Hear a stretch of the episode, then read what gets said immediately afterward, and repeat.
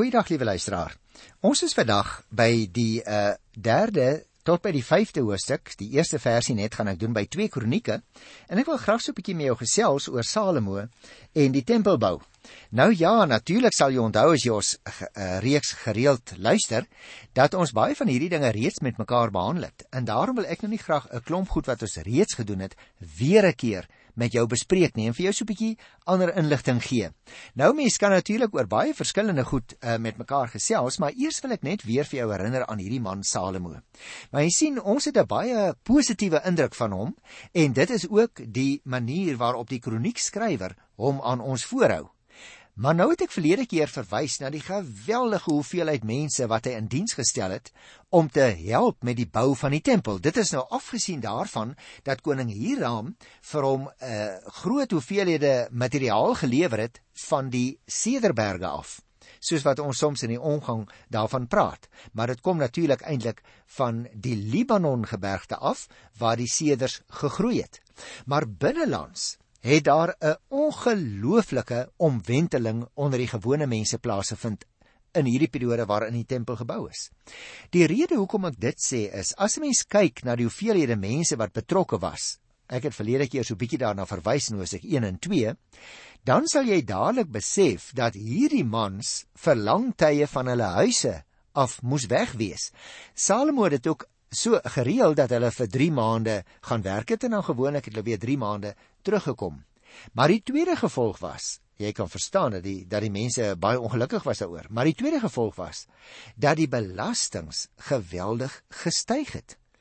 Want die sederhout wat van die Libanon gebergte af gekom het saam met die ander verskillende soorte ander hout nog wat vir die afrondingswerk in die tempelbou gebruik is, wat hierom ook voorsien het.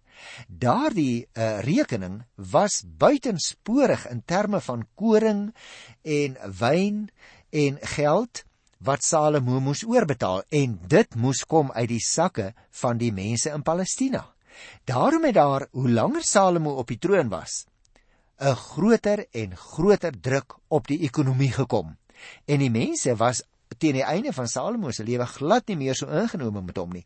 Nie net omdat hy hoë belastings gehef het nie, maar ook omdat hy die uitlandse vrouens ingevoer het in die land. Nou, dit was natuurlik deel van daardie tyd, want 'n koning, veral as jy 'n ryk en 'n bekende koning is, dan moet jy 'n hele klomp mense hê in jou harem. En dit het natuurlik die Israeliete dwars in die krop gestreek, gesteek. Maar soos jy en ek ook dikwels doen, ons sê ag, nou ja, die tye verander maar 'n mens moet maar aanpas. Maar die hartseer was in daardie teokrasie, met ander woorde, dit was 'n staat waarin God gesien is as die direkte hoof. In 'n teokrasie was dit 'n geweldige mistasting van die kant van die koning. Mens moet onthou soos wat uh, die kroniekskrywer koning Salomo teken, kyk hy net het ek al van tevore vir jou gesê, as dit ware na die positiewe dinge. En dit is so. 'n Mens kan nie daarby verbykom nie. Sonder wysheid kan 'n koning natuurlik nie suksesvol regeer nie.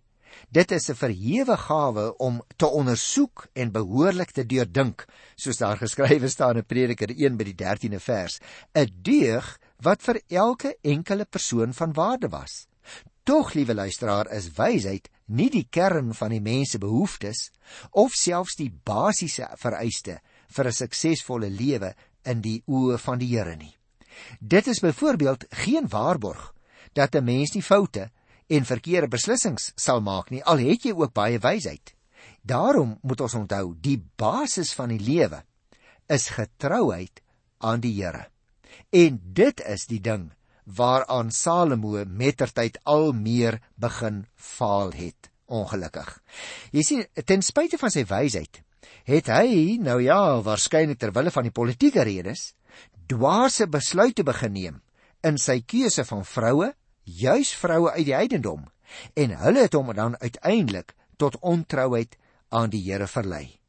Nou is dit eintlik in 'n sekere sin baie ironies, né, dat die wyse koning die grondslag gelê het vir die skeuring van die ryk van sy pa. Want uiteindelik aan die einde van koning Salomo se lewe sal die ryk verdeel word tussen Rehabiam wat in die suide op Jerusalem se troon sou sit en Jerobeam in die noorde. Salomo is dus in 'n sekere sin 'n waarskuwing ook vir jou vir my dat bepaalde geestelike gawes nooit los van 'n innige toewyding aan die Here beoefen mag word nie.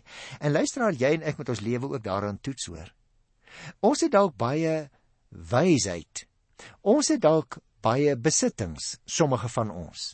Maar hoe lyk ons verhouding met die Here?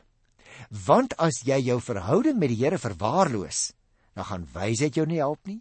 Aardse goed gaan jou nie help nie as jy God nie dien daarmee nie. En daarom dink ek een van die sleutelverse in die Bybel vir my in hierdie verband is juis Nehemia 13 vers 26. Daar staan: Dit was tog immers hiermee dat koning Salomo van Israel gesondig het. Onder die groot nasies was daar nie 'n koning soos hy nie. Sy God het hom liefgehad en hom koning laat word oor hele Israel. Maar vreemde vrouens het ook vir hom laat sondig. En daarom moet ons onthou, liewe luisteraar, ons moet ons innige verhouding met die Here op 'n baie baie besondere manier troetel. Dit is van groot waarde vir elke Christusgelowige mens. Nou kom ons lees. Ek gaan min versies vandag lees want ek wil oor die saak met jou so 'n bietjie gesels rondom die bou van die tempel. In 2 Kronieke 3 wil ek basies net die twee, eerste twee versies lees, die ander het ons al bespreek van tevore en ek gaan nog 'n paar opmerkings ook vandag daaroor maak. Hier staan Salomo het begin bou aan die huis van die Here in Jerusalem. Dit was op Moria berg waar die Here aan Dawid, sy pa, verskyn het, op die plek wat Dawid laat regmaak het, waar die dorsvloer van Arauna die Jebusiet was. Hy het begin bou op die 2de van die 2de maand in die 4de jaar van sy regering. Nou ek wil baie graag 'n bietjie hieroor met jou gesels, liewe luisteraar, want in die volgende uh hoofstuk 4 ook tot daarby Hosea 5 vers 1 word baie van die dinge wat in die tempel is en wat nou gemaak is vir ons in detail beskrywe. Daarom wil ek liewer met jou gesels oor die breë lyne. Want jy sal nog onthou 1 Koning 6 van die eerste vers af uh, word ook 'n lys gegee van alles wat Salomo by die tempel laat doen het. Nou wanneer ons hierdie twee gedeeltes met mekaar vergelyk, dan is dit baie opmerklik dat die kronieke bepaalde inligting weglaat en weer ander inligting bysit wat ons glad nie in die koningsboeke kry nie. Uit dit wat by kronieke anders is, word dit duidelik wat uit die kronikus se oogpunt die belangriker sake vir hom as skrywer was. Die kronikus byvoorbeeld is veral daarop ingestel om verbindings tussen die tempel wat gebou word en die ou tradisies van Israel uit te wys. Met ander woorde, hy probeer vir die mense sê die dinge wat ek vir julle wil sê, kom ver uit die verlede. Die wortels vir ons godsdiens lê in die geskiedenis. En liewe luisteraar, dit moet jy en ek nooit vergeet nie. Die Christelike godsdiens is 'n wat ons kan noem 'n historiese godsdiens. Met ander woorde, die Christelike godsdiens is ook gebou op sekere heilsgebeurtenisse wat lank gelede in die geskiedenis plaasgevind het. Byvoorbeeld, die kruisiging en die opstanding en die hemelvaart van die Here Jesus. Dit is historiese gebeurtenisse wat lank ver agter die nevels van die tyd in 'n sekere sin lê. Daarom moet ons ook, hoewel ons voortdurend elke nuwe geslag in 'n nuwe tyd lewe, nuwe aanpassings het om te maak, nuwe dinge het om te hanteer, besluite oor nuwe sake wat van tevore nie op die tafel was nie moet neem, moet ons daardie besluite neem in die lig van die riglyne van die Here se woord. Elke ding is nie altyd spesifiek uitgespel in die Bybel nie, want die Bybel is ook 'n historiese boek. Daarom is dit nou interessant dat ons ook hier lees, die plek waar die tempel gebou word, word die Moria berg genoem. Nou sal jy dit baie goed onthou, dit is die plek waar eh, Abraham destyds vir Isak moes gaan offer en die Here het toe 'n stokkie daarvoor gesteek as ek dit so mag uitdruk. Want die Here wou eintlik net Abraham se geloof toets. En dit is nou op hierdie historiese plek, die Moria berg, waar die tempel gebou word. Gaan kyk gerus meer as jy uh, weer 'n keertjie wil kyk na die detail van die Abraham verhaal in hierdie verband daar by Genesis 22, daar sal jy dit kry.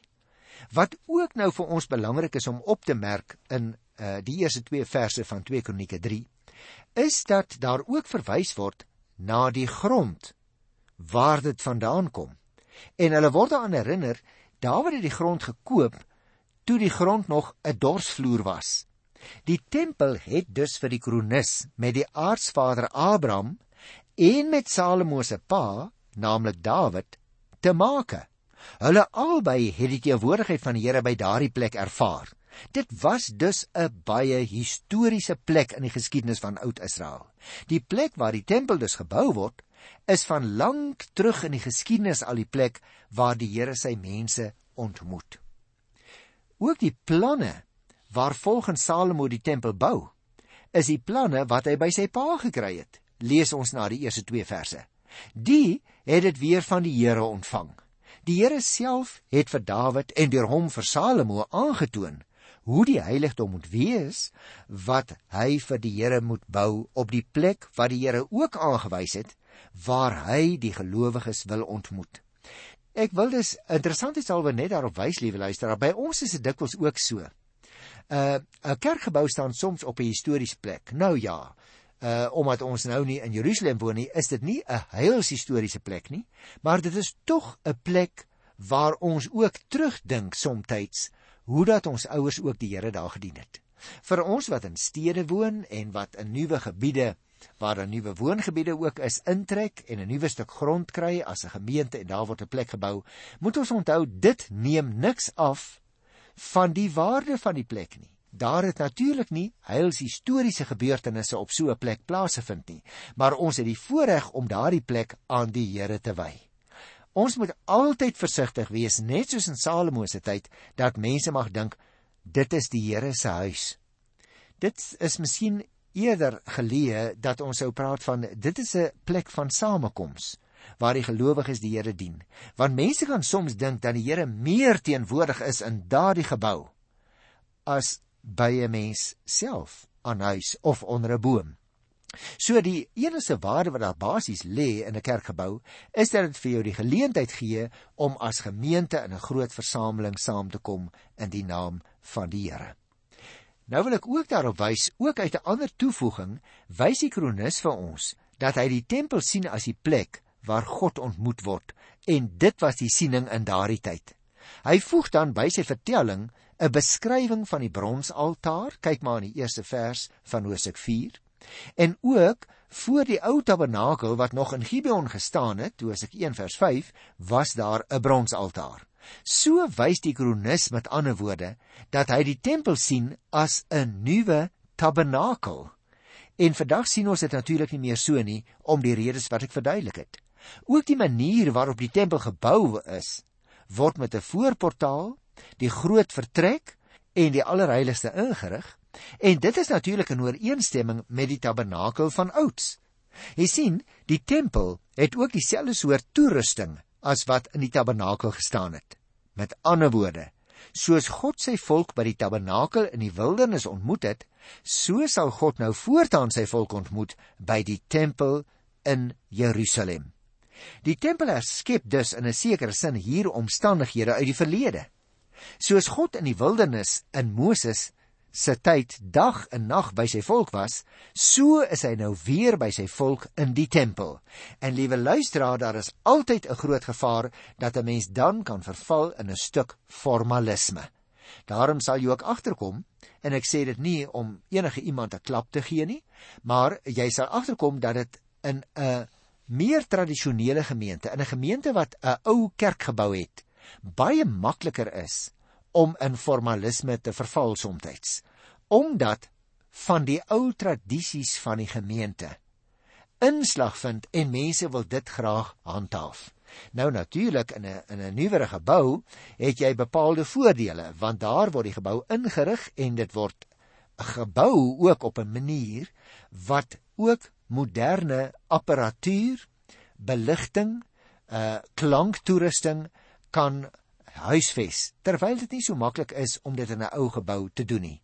Maar tog het 'n mens die verantwoordelikheid om in elke tyd waarin 'n nuwe geslag lewe die evangelie te verpak in 'n pakkie mag ek dit so uitdruk op 'n manier as jy wil waarop dit makliker verteerbaar gaan wees vir mense wat daar kom om dus net 'n uh, ou tradisies te handhaaf sou jy ontrou word aan die verkondiging en die styl waarop uh, die evangelie in die nuwe tyd uitgedeel moet word aan mense soos brood. Maar as ons nou kyk na ons verhaal, dan sou ek sê hierdie keer is dit net veel grootser en mooier en meer permanent as in die geval van die ou tabernakel. Die pragtige tempel is die troonsaal waar God en sy volk mekaar ontmoet. Daar word die Here dag en nag uitgedien en hy word ook daar verheerlik. Die tempel is dus die spulpunt waarom die lewe van die volk draai. Dit is die hartstuk van die geloofsvolk waar hulle by God is en hy met hulle. En dit was juis deel van die probleem in die tyd van die Nuwe Testament. Toe het by baie van die Jode dit glad nie meer gegaan oor hulle verhouding met die Here nie, maar eerder oor die instandhouding van ou tradisies. En daarom tradisies is baie goed, liewe luisteraars, want die wortels van ons herkoms, dit lê daar. 'n Mens kan dit nie net van die tafel vee nie.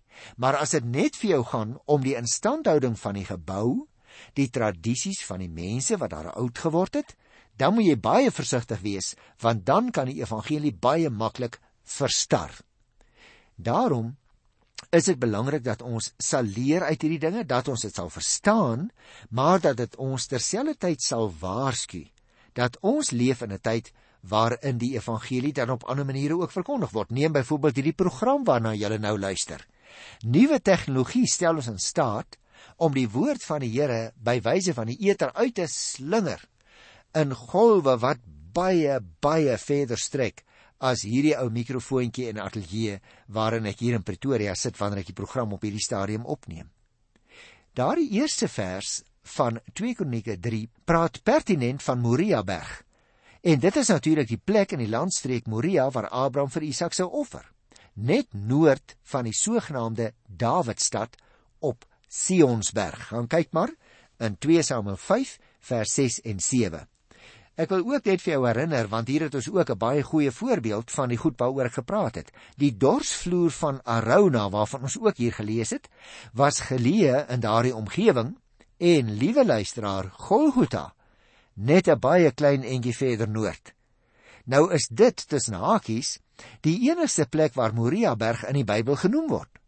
Maar dit is vir ons baie betekenisvol want so 'n lyn getrek van Abraham af na Dawid toe en die tempel is ook verbind aan die verbond by Sinaï berg en die magtige teenwoordigheid van die Here. Met ander woorde, ek probeer om vir jou te sê, liewe luisteraar, ons moenie net historiese dinge uh al te maklik van die tafel vee nie. Dis nogal 'n neiging in ons tyd, né? Ons moet onthou, soos ek net nou gesê het, ons het deel aan 'n historiese godsdiens. Met ander woorde daar is historiese basis voor. Maar die gevaar lê daarin dat ons godsdienstig kan raak. Met ander woorde dat ons sekere gebruike, sekere style, sekere maniere wil handhaaf deur die jare en soms ook deur die eeue. En dan verval ons in formalisme. Ek dink dit is dus vir ons baie belangrik dat ons afvalligheid van die Here moet raak sien as 'n gevaar wat soms in baie baie fyn gestalte na ons toe kom. Want jy sien afvalligheid van God kom voortdurend aan die lig, liewe luisteraars. Die Here word uh, in die Ou Testamentiese gedeeltes in die verhale wat ons hier kry, voorgestel as die Here wat kwaad word met goddelike woede en wat besluit om uiteindelik sy volk te verwerp in die Ou Testament. Hy sal hulle uitlewer aan hulle vyande. Hy sal toelaat dat hulle as ballinge na vreemde lande toe weggevoer word. En dis net die optrede van die getroue en die godvreesende konings wat God elke keer sy voorneme laat uitstel. Op die duur egter kom sy besluit ten uitvoer en Juda is dan ook in ballingskap weggevoer. En dit is juis die agtergrond wat ons moet verstaan. Anders gaan ons nie die kroniekskrywer se klem wat hy lê van tyd tot tyd begryp nie. Hierdie mense met wie hy praat, kom terug uit die ballingskap. Hulle is terug in Palestina, maar hulle hunker steeds om die ou tradisies te laat herleef sonder om werklik die Here te dien. Jy sien, liewe luisteraar, die Here het natuurlik baie geduld. Hy's regverdig om aan elke persoon 'n billike kans te gee. Die Here laat immers niemand in die duister oor sy liefde en oor sy bereidheid om van mense sy volk en sy gelowiges en sy kerk te maak nie. Maar en dit moet ons nie vergeet nie. God is ook heilig, liewe luisteraar. En hy laat nie sommer met hom mors nie. Diegene wat ten spyte van alles wat die Here gedoen het, nogtans die rug op hom draai, kan niks minder as God se verwerping en uitbanning in die buitenste duisternis verwag nie. En dit is van die fasette dink ek wat die kroniekskrywer baie graag onder ons aandag wil bring. As jy nou dink aan jou eie gemeente, nee, miskien moet ek die kringetjie 'n bietjie kleiner trek. As jy nou dink aan jou persoonlike verhouding met die Here. En ek dink ook aan myne hoor. En dan voel ek dikwels skaam want ons kom ons nou maar elke een in 'n bepaalde styl. En dan handhaaf ons daardie styl vir lang periodes. Ons doen alles maar soos wat ander dit gedoen het voor ons sonder dat ons ons verhouding, ons persoonlike verhouding met die Here onder die vergrootglas stel. Mag ek jou byvoorbeeld 'n paar vragies vra en ek doen dit nie uit voorbaarigheid nie, liewe luisteraar, dit geld natuurlik ook vir my. Dien ek die Here in alles wat ek doen? Daar waar ek werk, hier waar ek voor die mikrofoon sit, is al hierdie goed op 'n manier in verband te bring aan my offervaardigheid aan die Here. Of is ek dalk eintlik maar besig om my godsdiens so 'n bietjie uit te skuif na Sondag toe. Dis nou te sê as ek Sondag wat afgesonder is, is nie 'n heilige dag as die ander nie, maar ons het die voorreg dat ons in 'n land lewe dat ons daardie dag kon een kan sit vir afsondering vir ons verhouding met die Here, vir ons verhouding teenoor mekaar. Dat ons weer 'n keer so bietjie na binne kan kyk, maar ook na buite. Want jy sien, liewe luisteraar, as jou en my godsdiens in die tyd waarin ons lewe nie tot die daad kom nie, is dit niks werd nie. Jy moet gerus gaan lees so teen die einde van Matteus 25. Daar sal jy sien by die 45ste vers dat die Here Jesus sê by daardie dag wanneer ek weer kom, dan gaan ek julle nie noodwendig beoordeel op grond van die verkeerde dinge wat julle gedoen het nie. Want onthou dit is nakies. As ek verkeerde dinge doen en ek bely dit voor die Here en ek vra hom vir om vergifnis, dan vergewe hy my. Maar hy sê in daardie gedeelte in Matteus dat hy op daardie dag by sy wederkoms ons nie noodwendig gaan beoordeel op grond van die sonde wat ons gedoen het nie. Maar hy gaan ons beoordeel op grond van die goeie dinge wat ons nie gedoen het nie. Jy sien luisteraar, gewone godsdienstigheid of vorm godsdiens bring my daartoe om gerieflik te wees in my eie sone my gemaksone. Die tyd waarin jy en ek lewe het ons 'n geweldige verantwoordelikheid om die geloof in die Here Jesus Christus op nuwe maniere te verklank en te verpak. Hoekom sê ek dit? Want die Here Jesus sê in Handelinge 1:8 julle sal my getuies wees hier in Jerusalem dit wil sê hier waar julle woon daar in Judea in die weiergebied, daar in Samaria in die nog verder gebied tot aan die uiterste eindes van die aarde.